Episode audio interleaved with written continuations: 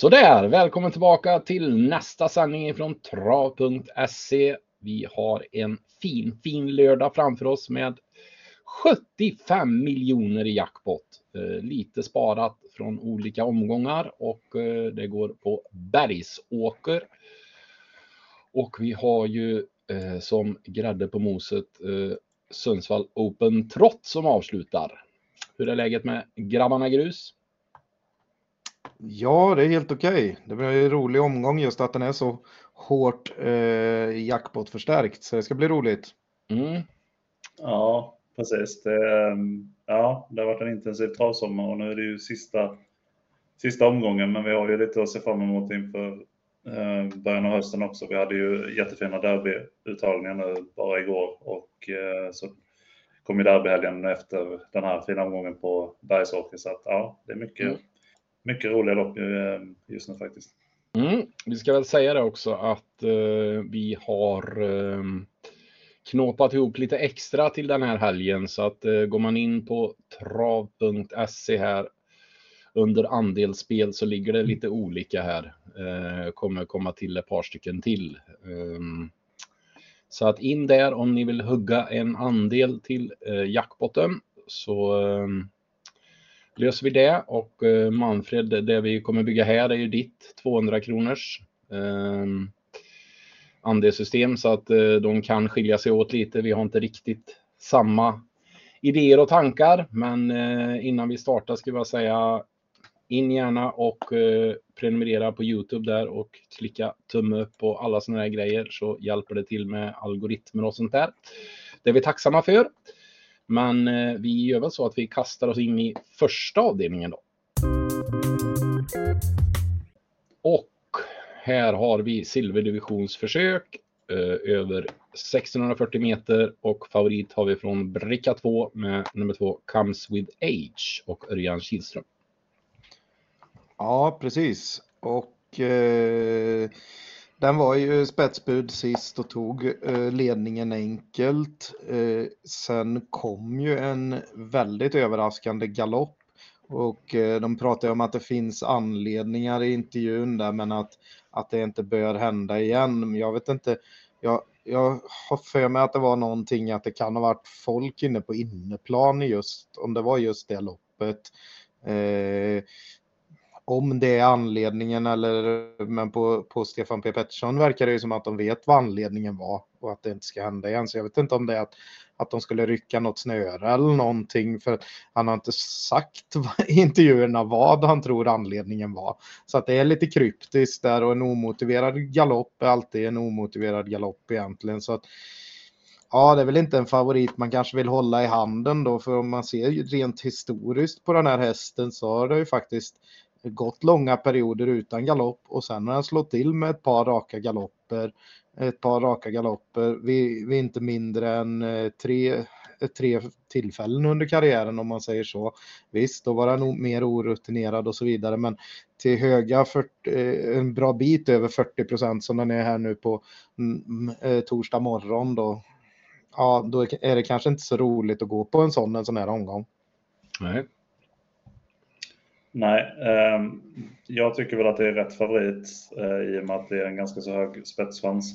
Eh, men jag tycker den är för stor. Eh, precis som du så tycker jag eh, att eh, galoppen senast var lite omotiverad och man vill gärna Ja, man vill gärna veta också liksom vad, vad anledningen var så. Ehm, nu blir det lite konstigt när, när man då säger från stall att ehm, vi vet vad anledningen var så, men vi, vi som ska göra analyserna och liksom lägga Alltså så, vi, får, vi, vi, kan inte värdera riktigt eftersom man inte berättar det. Det kanske kommer fram senare i veckan, eh, vem vet. Men eh, ja, det blir väl också lite så, jag har varit inne på det många gånger, att, att eh, i de här, den här typen av loppen, att när man då har en tydlig spetsfavorit, att, att strecken nästan speglar spetsanalysen istället för loppanalysen. Att man Jo, den kommer till ledningen, det, det, tror ju många, men, men sen får man också värdera om den håller ända in i mål och det tycker jag väl kanske är lite mer tveks, tveksam faktiskt. Jag är väl inne på att eh, den är, är lite snabbare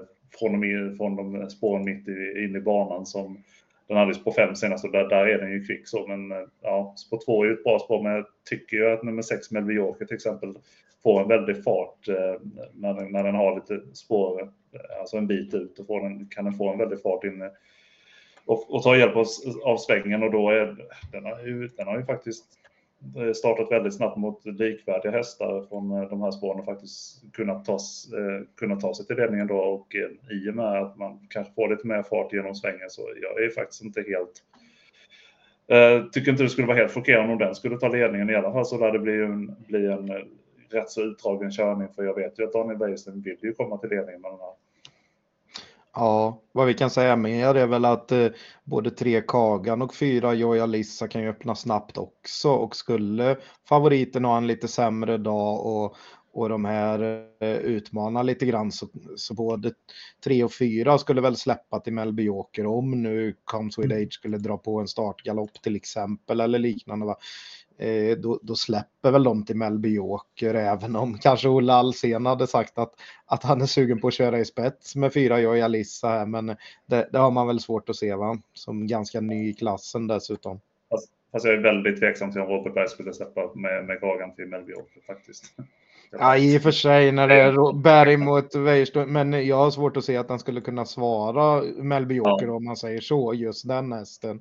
Eh, Ja, däremot så pratar vi väl lite om det att man har ju gått lite på den här kagan gång efter annan och nu börjar man väl verkligen tröttna på den för den har ju ändå fått en del eh, rätt vettiga lopp som den, och ändå inte kunnat sätta nosen först. Mm. Nej, precis. Det har varit, en, varit lite, be, lite besvikelse eh, nu. Eh, det har väl inte varit dåliga insatser, men det har ju inte varit man vet ju att kapaciteten är hög så det har väl inte varit de här prick, pricken över i och jag tycker väl inte att den har höjt sig så mycket senast. Den var ju väldigt fin i årsdebuten men eh, sen har det väl inte riktigt levt upp till förväntningarna. Så man, ja, som sagt, man börjar ju tröttna lite så och nu tror jag väl eh, från eh, spets är den väl ändå som bäst och tror väl att både invändigt och utvändigt är ju snabbare än Kagan från början så det lär väl bli en en resa i draget.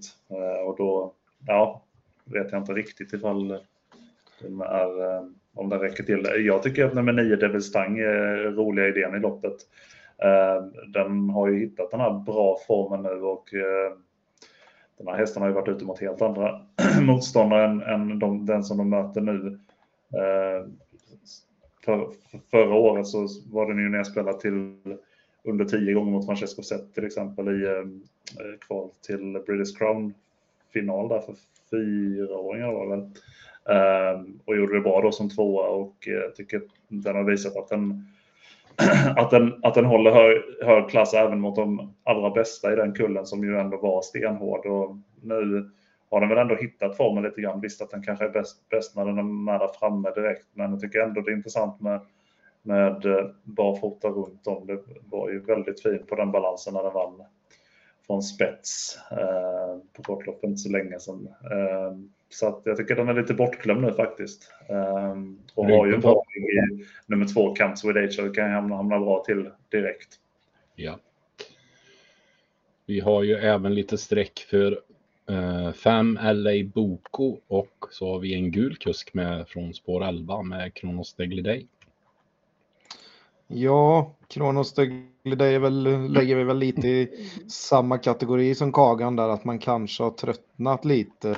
Nu låter det väl som att det kanske blir barfota runt om, då skulle det kunna vara intressant, men här växlar man ju ner från eh, Magnus A sist till, till vad heter det, tränarkört igen, så att eh, Ja, och han är själv väldigt osäker på vart han har hästen den, eh, ja, den tränar på så bra som vanligt, men att den nu ska, ska räcka då mot de här från bakspår på kort distans. Det kommer väl bli en sån där vingelresa ute i spåren är ju det troliga då. Mm. Eh, så att eh, ja, den får kanske svårt, men nu när den är under 5% så är det klart att det är lite intressant om man ska gardera vidare och den kanske är lite tidigare än, än en häst som Kagan som kanske kommer ligga runt 10 eh, vi, ja, en häst som drar lite streck som sagt det är Femella i bok och Den, den gör ju gedigna insatser mest varje gång och den har ju verkligen höjt sig lite i den amerikanska vagnen eh, på slutet. Och det har varit försök och final, försök, försök liksom i, i i eh, silverdivisionen. Nu är det väl lite frågetecken för formen, men den har faktiskt bara varit ute på kort distans fyra gånger. Där har han ju ett par vinster så att det behöver kanske inte vara negativt eh, med den korta distansen för den här. Eh, nu när den börjar bli äldre så att säga, den är bara fem år, men ändå. Eh, det är inte ovanligt att hästarna gillar lite kortare distanser eh, när de kommer till åren. Så. Mm. Kommer till åren, den är fem år. Mm. Äh, precis, men han har ju ändå unghästsäsongerna bakom sig. Och ja, det känns ju som att eh, med biken och, och åldern så börjar han och, och bli lite snabbare och snabbare. Jag tycker ju ändå den hävdar sig bra och duger bra i silverdivisionerna nu.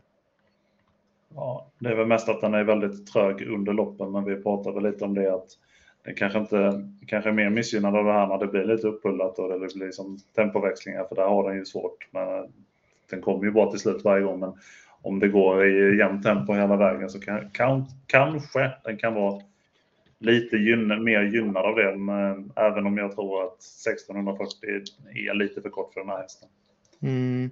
Men samtidigt så ser vi också det att när det är 1640 på på V75 så blir det ofta lite hårdare eller bättre tempo hela tiden. Det blir inte alltid det där som på 2640 eller 2140 att man att det går väldigt fort från start och sen tas det upp i 5, 6, 7, 800 meter och sen blir det oerhörda tempoväxlingar sista, sista 800 meter och ytterligare en tempoväxling 400, 300 meter kvar. Eh, i, på 1600 meters lopp så har det ju en tendens att vara rätt så bra fart hela tiden. Och därför så tror jag att, eh, att även en sån distans skulle kunna gynna den här nu när den har fått upp lite mer fart i benen på, med den och med den amerikanska vagnen också så att säga. Mm. Kan väl eh, sammanfatta det som så att vi tycker att det är de här fyra som vi har sträckat då, 2, 5, 6, 9 som sticker ut en del. Eh, är det någon sån där riktig jackpot-stänkare, någon enprocentare som man eventuellt skulle kunna tänka sig att sträcka? Eller är det så pass stor skillnad känns det som så att då får man ta alla i sådana fall om man vill ha med dem där?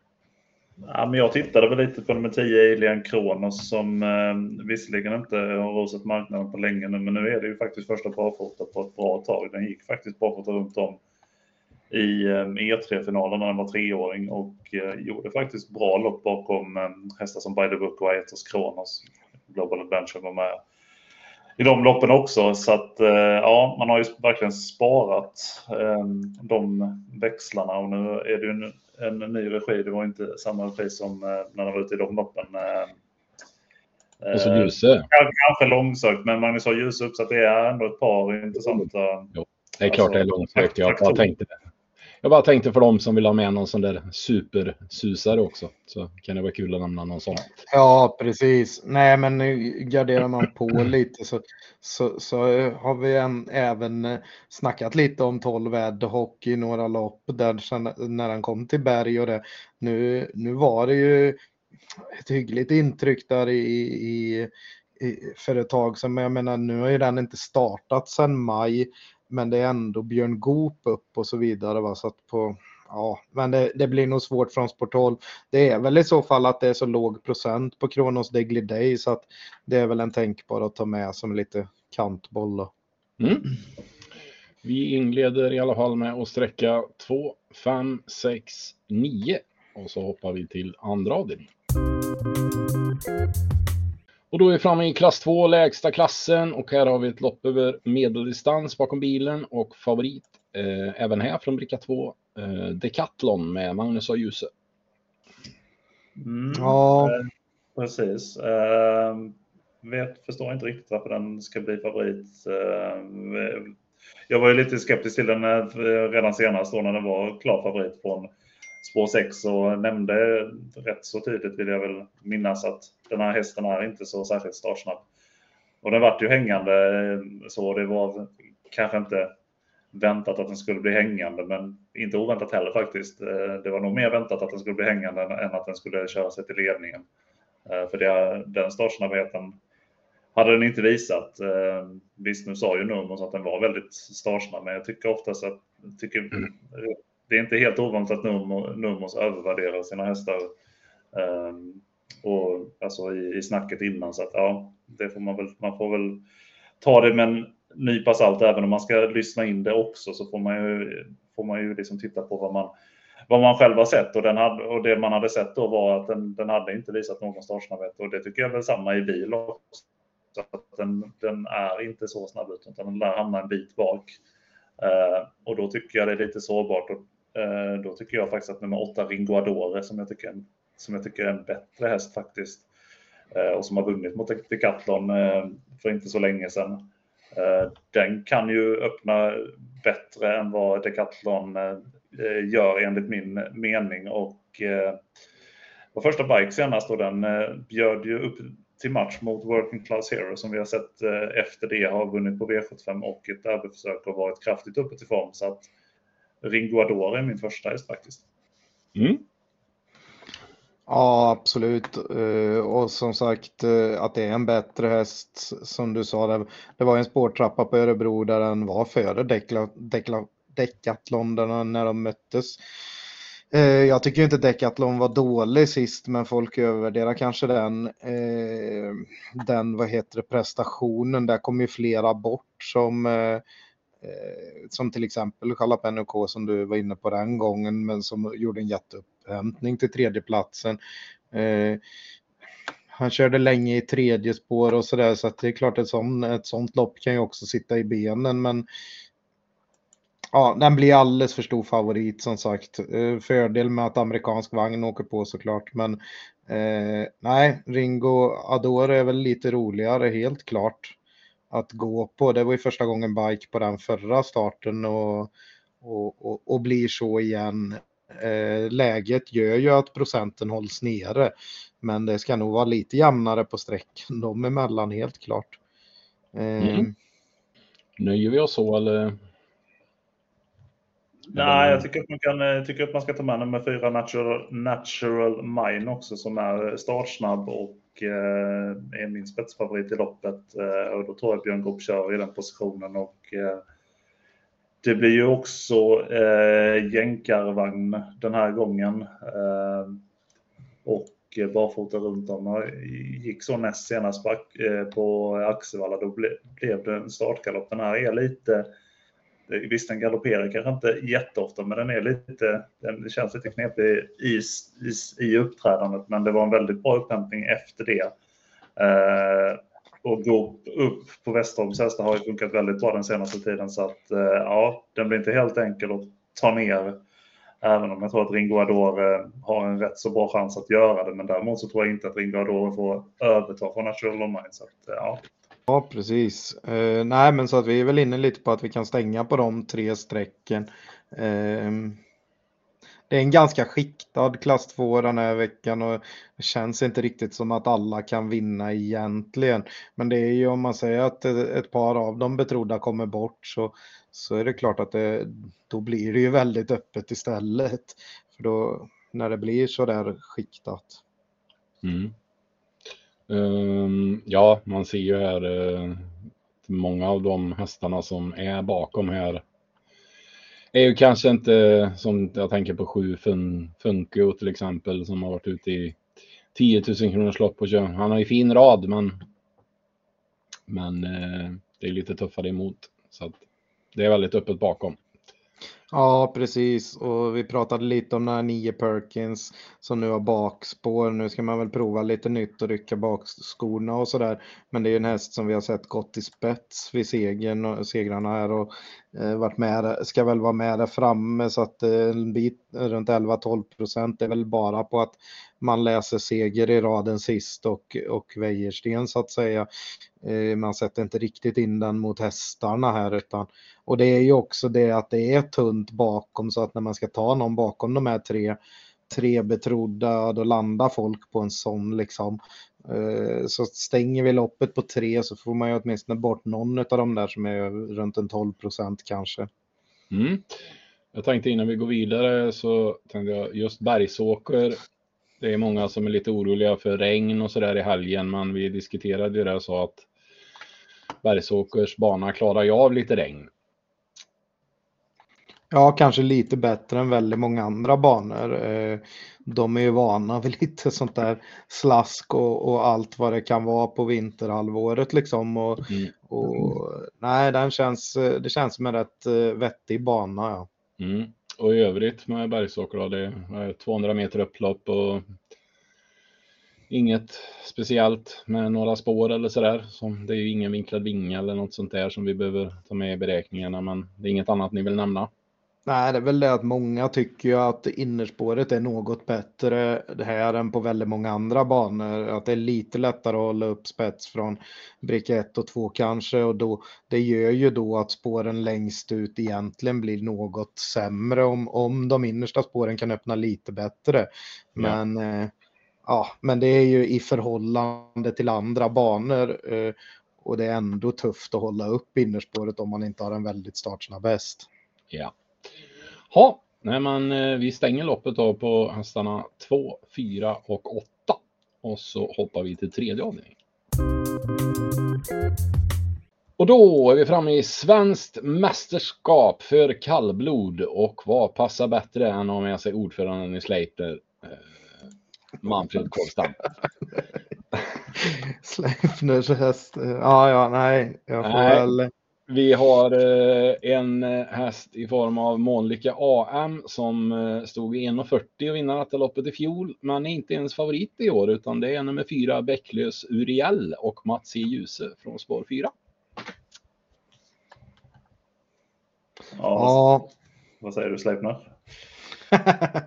Nej, men här var vi väl ganska överens, jag och Jens i alla fall, att, att Månlycke AM borde borde ha en vettig chans och är ju jättemycket mer intressant på spelet framför allt. Och, eh, visst, Bäcklös Uriel är väl den av allihop här som, som har gjort störst, störst höjning i år om man säger så, växt in i, kanske redan växt in i, i den högsta klassen på, på väldigt kort tid. Eh, nu är den ju inte så härdad mot de bästa och eh, det är väl i så fall från spets den ska kunna vinna lopp loppet. Och, men eh, det kan kosta lite att ta sig till ledningen här för Månlykke AM. Inte, inte oäven från start heller egentligen och vi såg sist över opassande distans att den, den kan öppna ganska så bra. Eh, har gjort det från de mest på fyra där eh, ett par starter i rad och gått bra tider.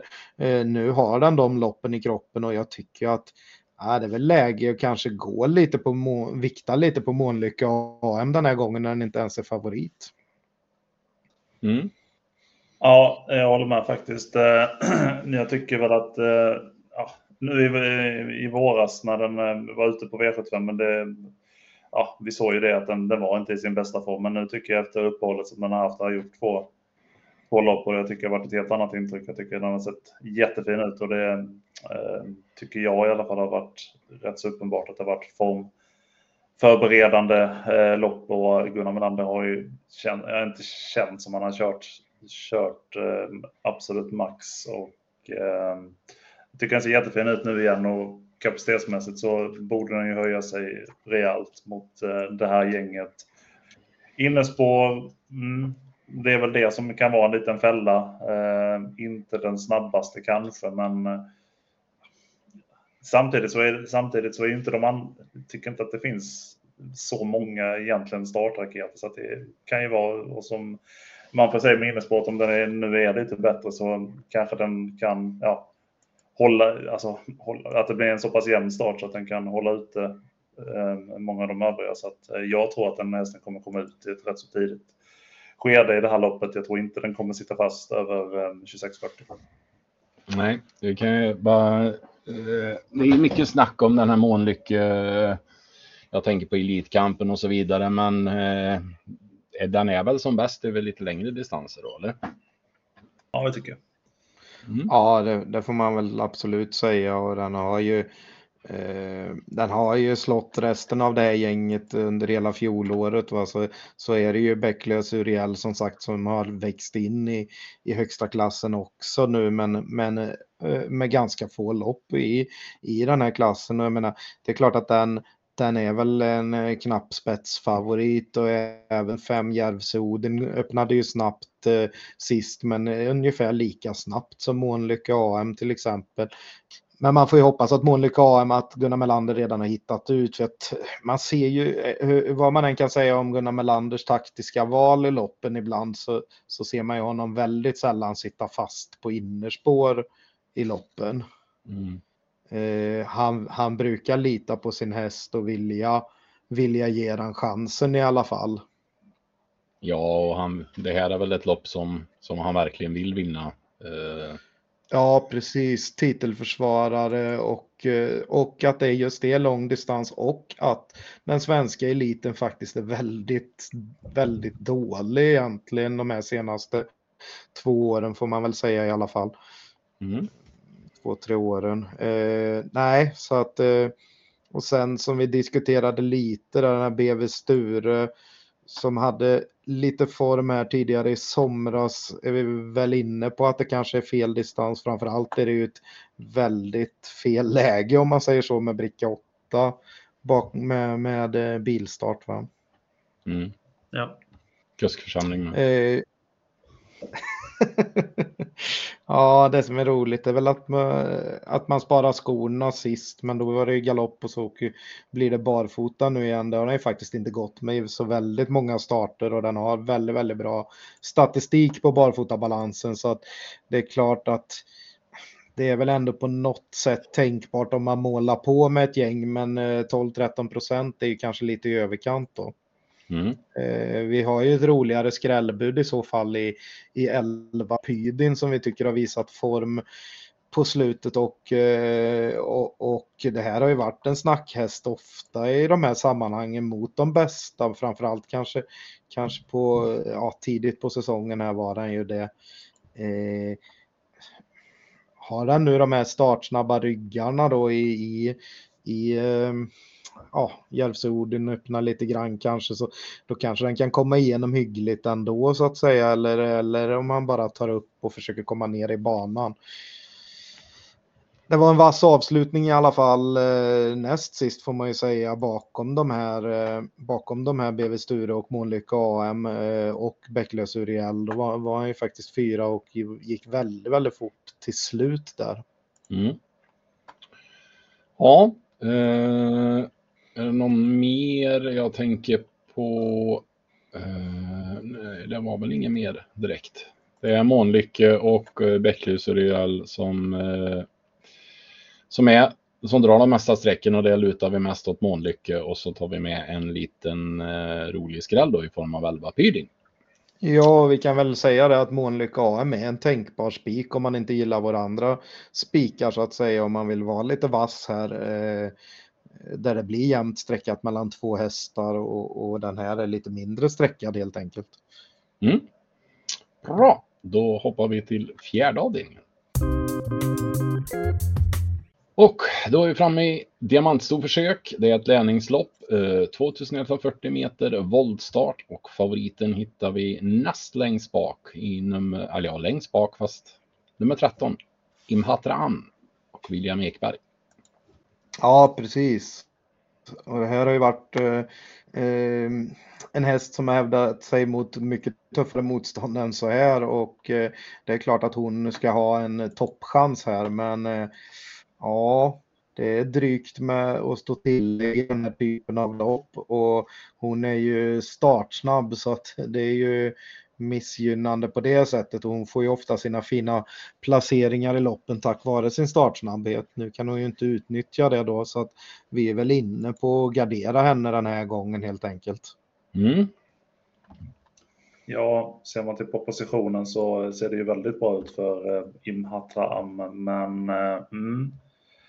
jag är väl inne på att formen kanske inte är så som det var i eh, där i maj månad när den gjorde några enorma lopp. Eh, jag trodde ju väldigt mycket på den i det här eh, Prins Daniels lopp, det här eh, kvalet till Elitloppet. Eh, där gjorde den ett helt okej okay lopp. Eh, så. Sen, har den, sen har den ju varit ifrån, nu kom den ju tillbaka senast och gjorde det bra där i stor-EM på eh, jubileumspokalsdagen.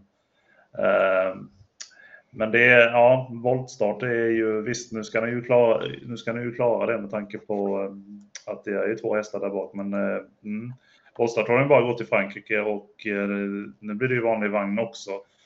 Nu säger man ju i eh, intervjuer att det, det ska inte vara något minus, men den har aldrig gått i vanlig vagn i, i eh, på svensk mark. Så att eh, det blir också lite konstigt när man säger att det inte är något minus när, när, det, när man alltid går i den andra vagnen. Så att ja, jag tycker att väl kanske att den blir lite för häftig favorit och jag tycker att det faktiskt att det finns en hel del intressanta hästar på, på startfållan.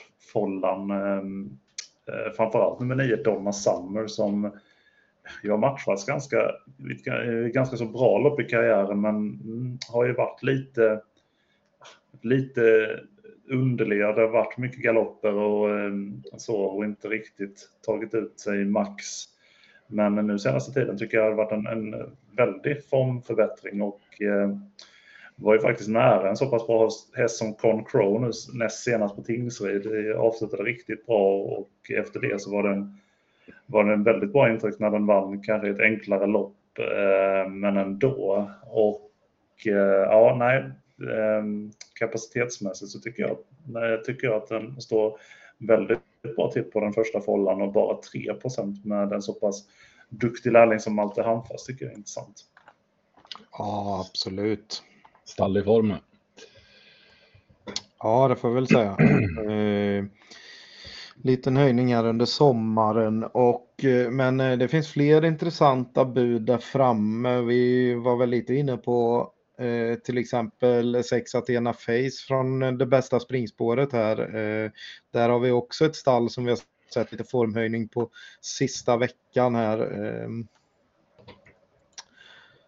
Eh, ja, den skulle ju, nu är ju den ganska så osäker och så va, men om man prickar från ett sånt springspår så kanske Dante kan köra sig till eh, ledningen här till och med.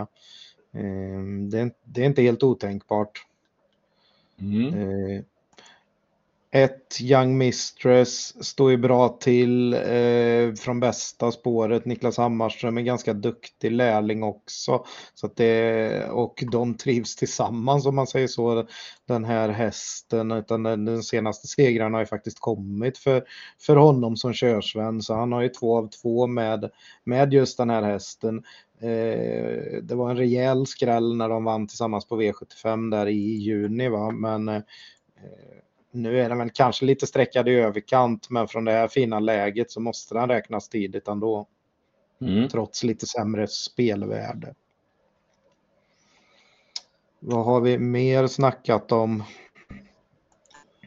Uh, ja, jag tycker ju att en häst som uh, har ju lovat rätt så mycket eh, rätt så mycket men sällan får till det, det är ju eh, Elva Hatusa som eh, ju var hos Stenströmer länge och jag vet Eh, ja, jag följde den rätt så bra på V75 men fick liksom aldrig riktigt till det och eh, det gjorde ju bra prestationer så, men eh, sen tycker jag ju längre tiden gick desto sämre blev det och nu är den i en ny regi hos eh, Hanna Forslin och jag tycker faktiskt att det har varit lite formförbättring. Senast tyckte jag var bra intryck, var bättre flyt i steget tycker jag. Den här hästen har ju oftast varit bra, bäst när den varit nära framme direkt, men nu gick den faktiskt en repa från, eh, från kön och det tyckte jag var lite positivt med en sån häst som tidigare haft svårt, kanske haft svårt att göra det.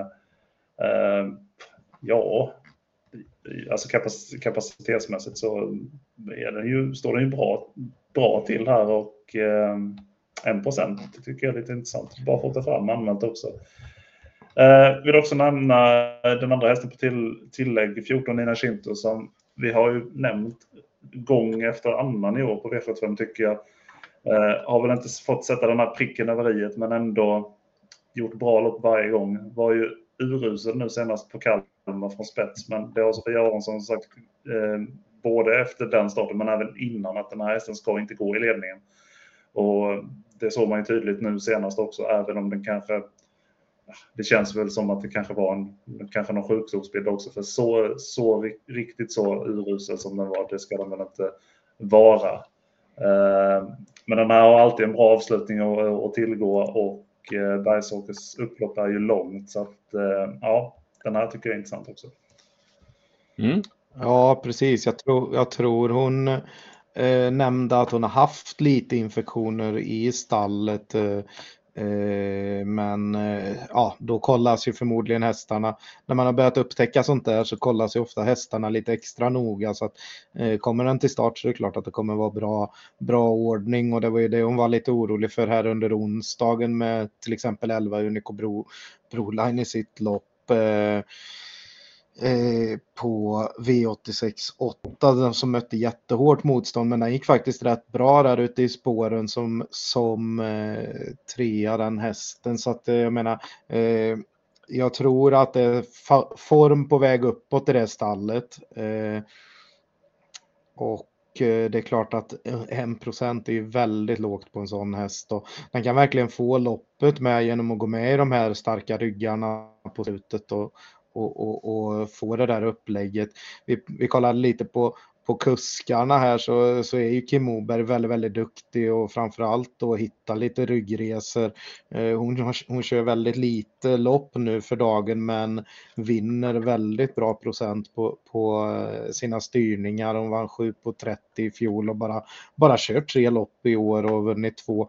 Men för den saken skulle ju inte hon orutinerad. Hon kör ju häst mest hela tiden så att säga eh, och har varit med i den här lärlingscirkusen ett tag. Eh, vi pratar om vi har pratat om fler hästar. Eh, Kit Crown springspår också, Östen Tjomsland som har haft verkligen en höjning på stallet.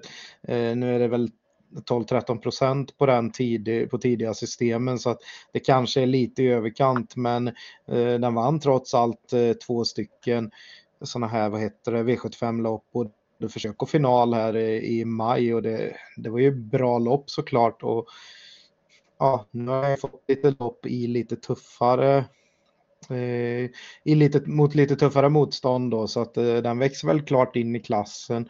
Eh, fyra Mitzi Gold eh, står, lite, står ju väldigt tufft inne i klassen och har på fyra men grejen eh, är väl att den har ju matchat på V75 precis hela tiden och Ja, den gör nog inte bort sig här heller. Den brukar ju vara tränarkörd och, eh, och har varit lite lärlingskörd också innan. Så att, eh, det behöver inte vara lika stort minus med lärling som det kanske kan vara på vissa andra.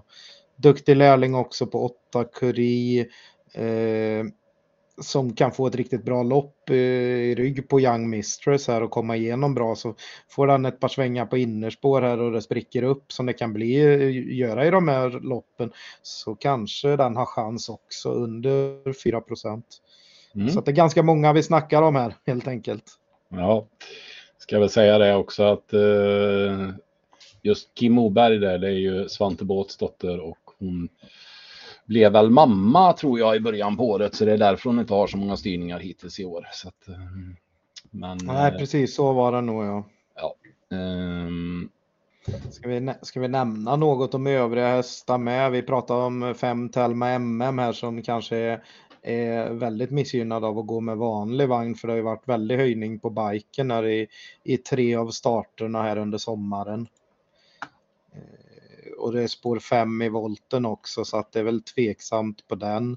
Eh, Stina Alvina Sonett som, eh, som eh, har eh, ja, var bra häst i vinter så att säga. För, för Sulky har ju faktiskt gjort sina bästa resultat för sadel nu på slutet så att det är ju i Monté och nu går han tillbaks till, till vanligt sulkylopp så att det kanske är, är ett minus här. Den står också ganska hårt inne.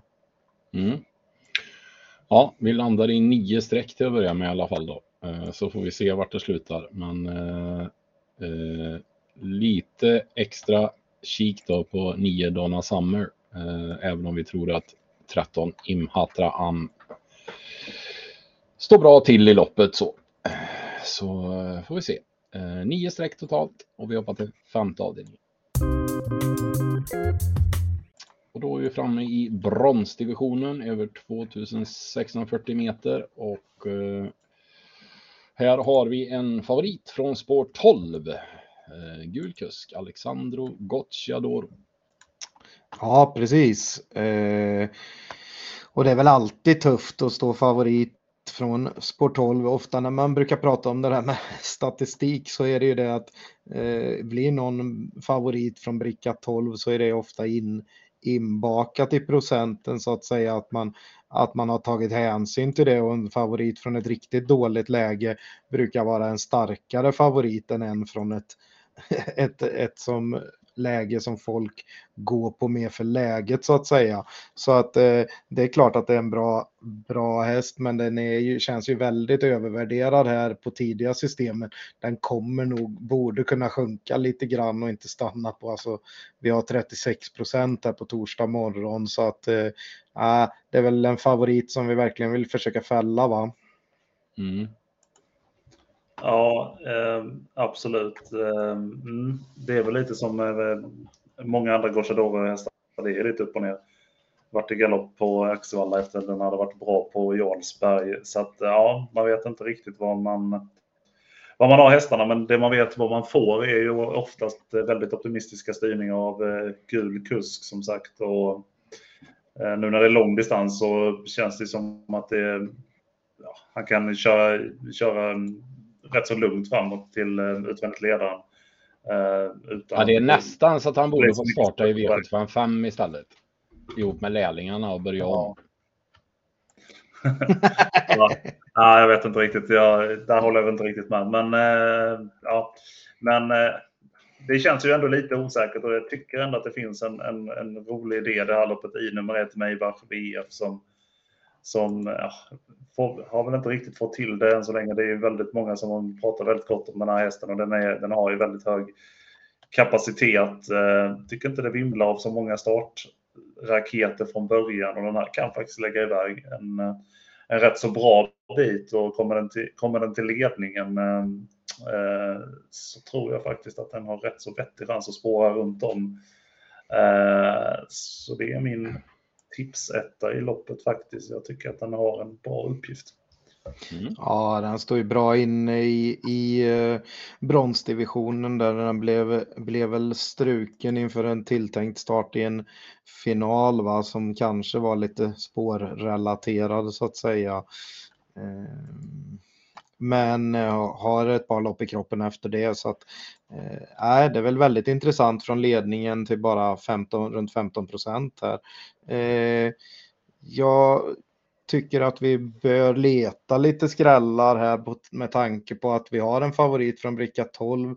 Vi har en, eh, ett spetsbud då från innerspåret som, eh, eh ja, som eh, också faktiskt blandar och ger lite grann så att det är inget att lita på någon av dem och äh, jag är inne på att vi målar på med lite skrällar här också. Och, äh, fem Fenix Brick. Vi pratade tidigare om att eh, det har gått bra med, med konstellationen Westholm tränare Goop kusk på slutet och den här hästen startar från toppspår. Eh, går barfota runt om, bike, alltihop det där, 4% och kan faktiskt öppna ganska vettigt så att den bör kunna få bra position också. Och skulle Maybach VF ha en sämre dag så att säga så är det väl inte helt oävet att att kanske Fenix Brick kan ta sig till spets till och med. Obesegrade spets på femstarten. Ja, där ser man. Mm. Däremot, däremot, tycker vi väl att 4 No Limit Express står, eh, står ju lite hårt inne i loppet som precis över klassgränsen och att den då är, är trea på sträcken här är väl lite väl hårt. Eh, nu är det ju Magnus A upp och så vidare så att ska, garderar man loppet så plockar vi med den men vi hoppas väl och tror att den borde stanna av lite på sträcken. Det beror väl lite på hur snacket är där under, under sista två dagarna här. Mm mm, å andra sidan så eh, är väl känslan att den har tjänat alldeles för lite pengar också så att eh, den, borde ju stå ja, den är inte mycket sämre än de, som, de hästarna som de möter nu. Så att jag tycker ibland det här med att, det här med, med att stå in, att hur, hur man står inne, man får också, man får också relatera det till liksom, ja, kapacitet och alltså sådana grejer. Liksom att man, eh, för jag tycker ändå att den har tjänat alldeles för lite. Det, det, det är ju först sista tiden som man känner att den har börjat komma igång igen. För det, har, har ju varit, varit tungt en stund innan. Så att, eh, och nu tycker jag faktiskt sista starten hade varit ett väldigt vast intryck i, både vid segern eh, när Ove, Ove Lindqvist vann med den, men även sist på, sist på Årby-finalen där, även om det var långt bak. Det var, mm, det var väldigt ettrig avslutning och ja, var nog inte helt, kändes inte som det var helt alla krafterna förbrukade heller. Så att ja, jag tycker den väl trots propositionen att den står hårt inne är tidig. Väldigt mm. bra resultat tillsammans med Magnus med. Ja, hästarna brukar ha det. ja, brukar, så kan det vara. Brukar, brukar gilla Magnus A. Kanske är hästviskaren då. Ja, ja, precis. Ska vi sträcka några fler? Ja, men det gör vi väl. Eh, vi pratade om tre att det äntligen blir lite kusk på den. Eh, samtidigt som också Eh, den har gått mycket med skor och nu, nu provar man barfota fram. Det gick den med ganska mycket i, i fjol där och gick rätt bra på det faktiskt. De fick ju bra resultat i början när de började rycka skorna fram där och så vidare. Så att, eh, det är nog en balans som passar den bra. Den här är ju verkligen eh, härdad också mot lite, lite tuffare kullkamrater och sådär som unghäst har ju gått i sådana lopp. Eh, när man växlar bort Kenneth Haugstad så är det ju alltid ett jätteplus. 2% är väldigt lågt. Mm. Eh, 7 Hobart, eh, också där får vi ett rejält kuskplus mot sist med Jeppson upp. Jag är inne på att eh, Jeppson kan få lite mer fart på, på den här eh, till slut. Den här står ju, när vi pratar om hur de står inne i lopp kroppen. Den står inne perfekt i klassen och eh, är ju verkligen härdad på V75. Eh, sen är det väl en som inte vinner på beställning men å andra sidan är det 5 då så att eh, ja, kan nog öppna ganska bra från en bit ut i banan och, och tycker jag att det är en liten formhöjning både på den och på stallet generellt sett. Så att den tror jag väl ska svara för en bra insats med. Mm. Ja, här var vi väl lite oense. Jag, eh, alltså, det är en fin häst, men den har ju haft förtvivlat svårt på V75. Eh, har ju ofta haft en stil som inte riktigt har funkat, men nu tycker jag den Stilen har förbättrats avsevärt och den har ju varit bra, även om jag tycker att man drog lite för höga växlar på insatsen senast. Eh, där den satt, visserligen satt djupt ner, men det var ju stenhårt tempo hela vägen och eh, ja, det var väl en normal prestation, inte, inte så mycket mer än så. Eh, däremot så har jag ju sett hästen öppna väldigt bra från de här spåren lite längre ut och nu när det inte är så många riktigt startsnabba som jag faktiskt ser att det inte är så kan faktiskt den här komma rätt så vettigt på det. Eh, det var ju ett lopp i Örebro i mars tror jag det var, eh, där den här just hade spår 7 och blåste faktiskt till spets då så att nu tror jag inte att den gör det nu men tror ändå liksom att det är en sida av hästen som man kanske inte har sett så mycket av, att den faktiskt har, har en, en del snabbhet från början i. Man har ju sällan laddat med den. Men, mm. eh, den ska väl tas som en, som en outsider, men absolut inte mer tycker jag. Mm. Nej, precis. Vi sträcker även nio Eldorado från bakspåret där. Eh, tränarkört eh, är väl såklart inte det bästa, men det är väl ett en höjning mot de senaste, senaste körsvännerna då på slutet. Så att eh, det är klart att det blir chansartat, men den har ju bra eh, snabba startryggar här så att eh, den borde kunna komma igenom på hyggligt sätt och till bara 4 så, så är det väl lite intressant. Eh, ja, som sagt på visad form helt enkelt. Mm. Vad har vi mer? Vi har betrodd häst i två Jetborn. Eh, Veikko Happakangas som har tagit sin licens där och står på hästarna numera där nere på, på Åby. Va? Eh, här får man ju Örjan Kihlström upp från ett bra läge ser inte riktigt varför den är så hårt spelad på tidiga kupongerna. Ja, men den var, den var väldigt uppåt senast. Jag tycker inte den har visat någonting på någon, eh, någon start egentligen. Den här testades ju i Sprintermästaren bland, bland annat, men eh, har varit väldigt trögt på formen. Nu var det väldigt uppåt senast, så att eh, jag tänker att det är därför. Däremot så tror jag att den här lite, lite längre distansen inte är till den hästens fördel. Jag tycker den är överstreckad också. Nej, kan det inte varit lite Magnus och Ljuse-effekt tillsammans i biken där sist då? Mm. Jo, det är väl, det är väl möjligt, men då kanske det kan bli Örjan Kihlström-effekt i bänken nu. Så att, eh... Nej, det är inte samma sak. Ja, vi eh, landar i sju streck i alla fall eh, och eh, garderar gul kusk i femte avdelningen och så hoppar vi till sjätte avdelningen. Vi är framme i klass 1 och då är det ett försök över kort distans bakom bilen. Trots det så hittar vi favoriten från spår 12. Eh, nummer 12, Kendall Jackson. Vet du vad Kendall Jackson är för något? Nej. Det var dödstyst. Ja. Nej, det är ett litet uh, finare vin, vin, vingård i Kalifornien. Jaha. Det brukar bli tyst. Det brukar bli tyst när man ställer en fråga som inte handlar om trav. ja, ja. Han är favorit i alla fall, trots spår 12. Ja, Eh, och det är väl på Magnus A's snack inför förra starten. Eh, då, då var han ju inne på att han skulle ha vunnit på Eskilstuna om han hade kört offensivare och så vidare. Då var han betrodd i ett enklare lopp.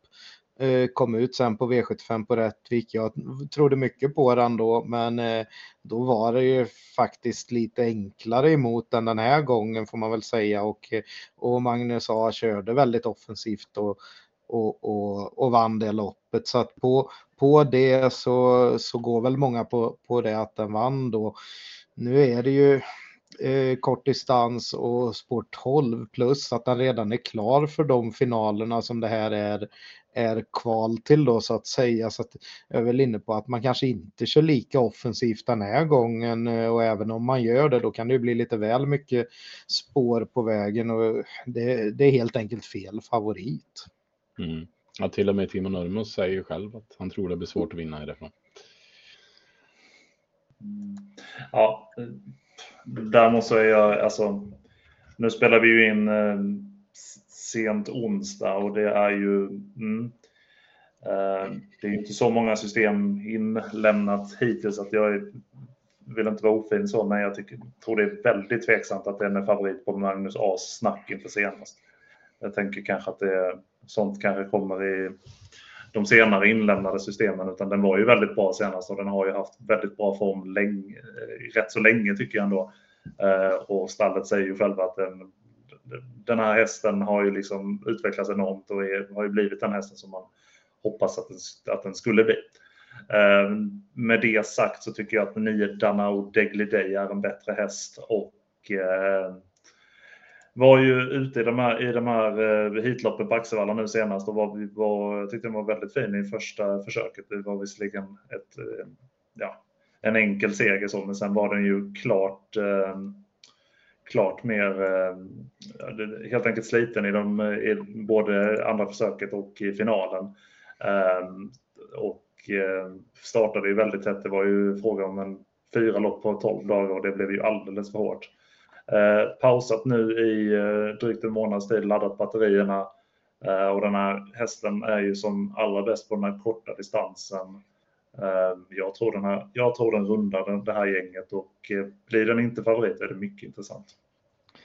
Ja, vi är ganska överens här. Eh, vi kan även säga att första starten i Sverige när den kom efter någon månads uppehåll direkt från Italien här i maj. Då, då gick den ju ut från sport 12 över kort distans och eh, Gocciadoro sa direkt att den här kan en 10,5 eller någonting och så vidare och då mötte den Kandal Jackson som hade spår 1 i det loppet och eh, han var ju totalt överlägsen mot den över en sekund snabbare. Eh, ja, och sen som sagt fyra lopp inom, inom till och med ännu färre dagar, det var bara nio dagar va, som, som de här fyra loppen gick på.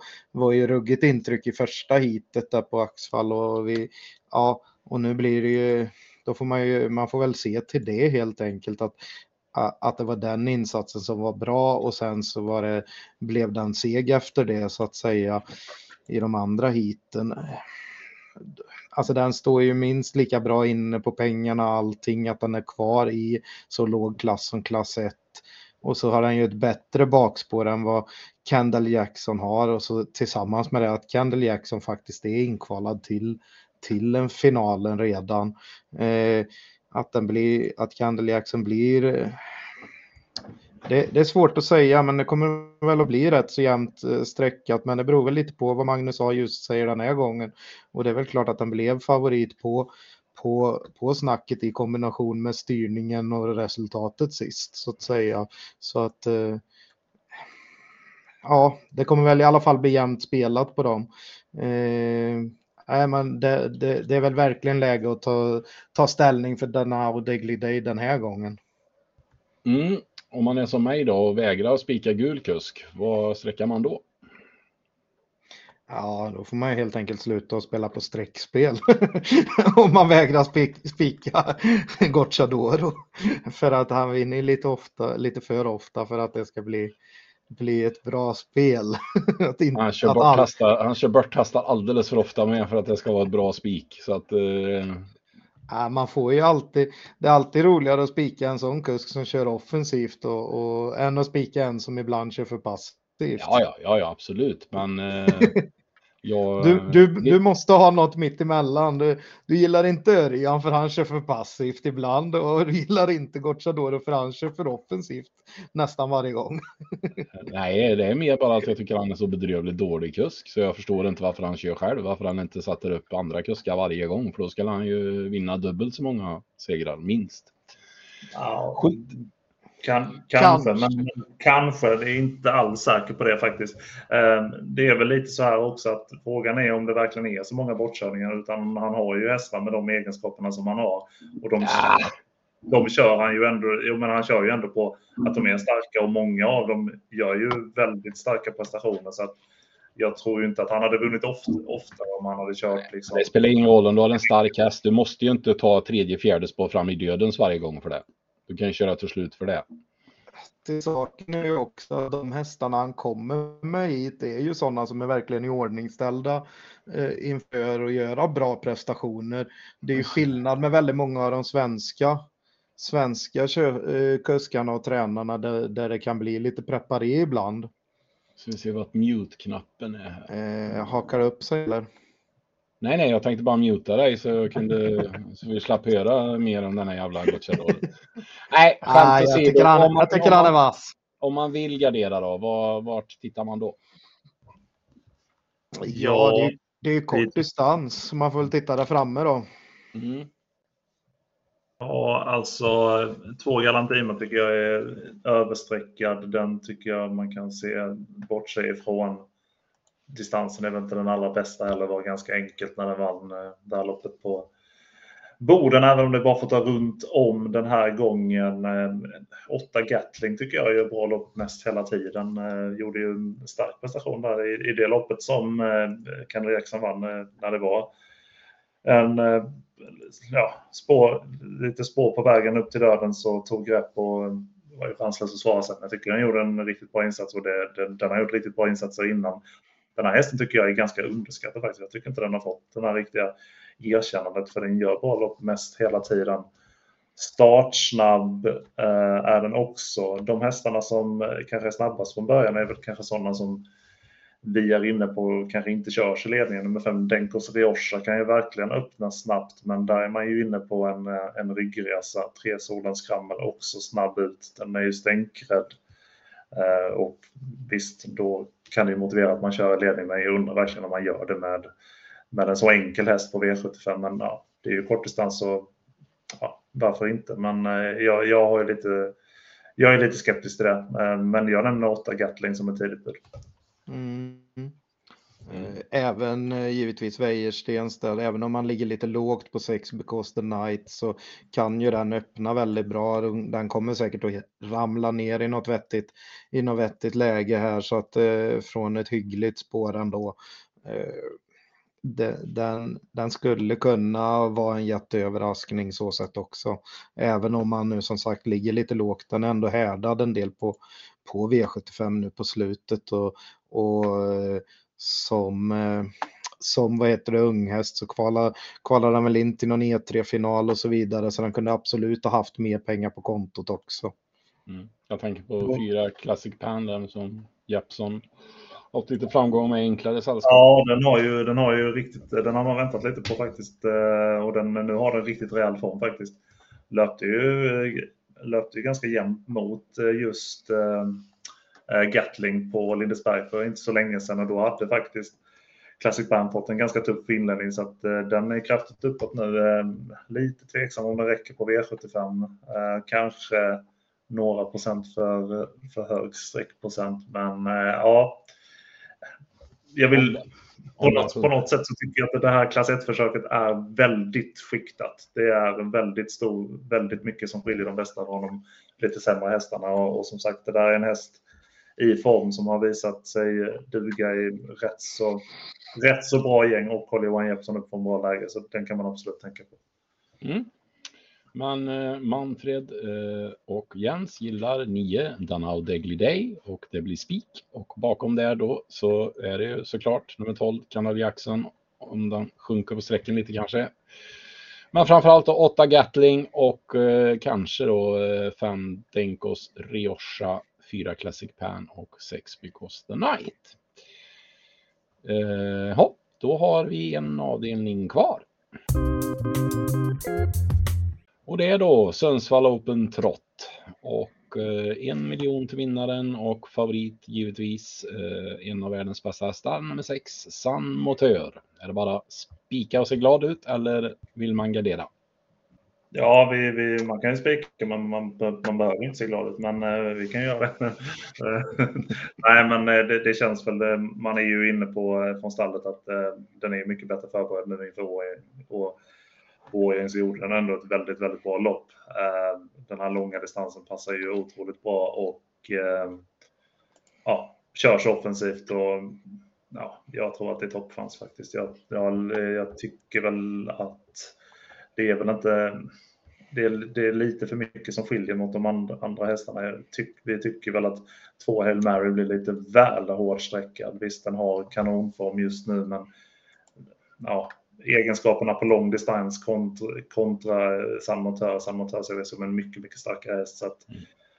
och, och det, gör ju, det gör, gör, ju också att om det stannar i närheten av det här så blir det ju faktiskt inte bara den, kanske den bästa spiken utan det blir faktiskt också ganska spelvärd. Ja. Vissa säger det också att eh, det är lång distans jämfört med senast, men det är ju medeldistans. Så att eh, som inte lurar ja, precis. någon. Ja, precis. precis. Ja, ja, men eh, också inne på det att Hail Mary är mer gynnad av kort distans och eh, medeldistans är San Motörs bästa. Eh, vi, vi, när vi pratar om eh, termerna av procenten här så, så, se, så har vi 27 procent nästan på Hail Mary medan det är under 49 procent på San Motör kan vi nämna då så de vet vad vi refererar till så här tidigt om man säger så för det kan ju hända mycket under veckan här. Ja, eh, den, den, kommer ju gå över 50 procent San Motör det tror jag ju men eh... Ja, men kanske inte så jättemycket. Nej, den stannar nog under 60 att, det tror jag.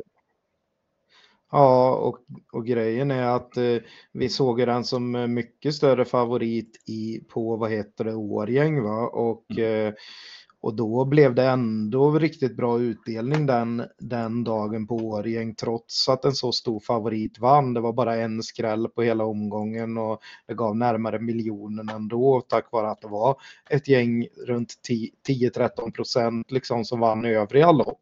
Eh, ändå en rätt logisk delad favorit i, i första avdelningen det, den omgången så att eh, man behöver inte krångla till det allt för mycket nu när det är sån här stor jackpot och man kan få bra utdelning med en spik på den här och, till, och eh, om, man, om man hittar att det slår lite utkant i övriga lopp då va. Mm. Eh, ja, då har vi avhandlat Hail Mary och favoriten. Vi har ju även en startsnabb häst från innerspår i form av ett clickbait som eh, inte drar så mycket streck den här gången verkar det som många är inne på att han ska släppa spets till Örjan här med Hail Mary. Eh, ja. Är det på medeldistansen då kanske som folk tror det eller? Jag vet inte riktigt var man får det ifrån utan jag, jag tror ju att, in, att man inte släpper till Hail Mary för att både Per Lennartsson och Stefan Melander borde väl vara inne på att det är stor chans att San Motör sänker Hail Mary även från döden så då blir man ju fast bakom och får mycket mindre pengar med sig om det kommer hästar ute i banan och fyller på så att jag tror inte alls att man är inne på att släppa till Hail Mary. Möjligen att man kan tänka sig att släppa till San Motör i så fall när väl den kommer fram utvändigt. Mm. Så att eh, jag är absolut inte inne på det. Nej, eh, för vi har ju en häst som var väldigt bra förra veckan i fem Charmante Sack med den där gula kusken. Ja, precis. Så nu får du muta igen. Eh, för nu kommer en ny hyllning här. Nej, men alltså det... till hästen då. Eh, Nej, det var en bra styrning. Han satt väl i andra ytter länge. Ja, eller något ja, sånt där, va? Mm. ja. Men det pratas ju ja, det pratades ju om att Global Badman skulle, alltså att den var lite sämre senast och det var den kanske, men Charmante sagt gjorde ett väldigt bra lopp. Eh, vi var ju på plats på Årjäng och jag kan säga att eh, intrycket innan, nu var ju Charmante sagt inte som bäst i loppet och det fanns ju också en sjukdomsbild, men intrycket innan, det var ett, det var ett grymt intryck. Det var det bästa intrycket jag sett på mycket länge. Eh, och gången innan på Solvalla gjorde den ju en helt fruktansvärd insats. Att den här hästen har extremt höga toppar. Eh, och det är, det är svårt även för de, även för de allra bästa hästarna att, att, ehm, att eh, det är svårt att, av, det är svårt att eh, såga den även mot de allra bästa hästarna när den har en sån dag för att den har en väldigt hög kapacitet och lite mer sträcka trodde man väl ändå att den skulle bli. Mm. Ja, det var, det var väl nästan en ren kuskprestation sista segern. Och, och, och, Global Badman i spets som gick 11 och 7 i ledningen över 2640 meter ska ju bara vinna det loppet. Men, men där eh, satte Gocciadoro dit den. Mm. nej, nej, skämt åsido. Det är en jättefin häst och eh, kan dessutom öppna rätt så bra om man vill.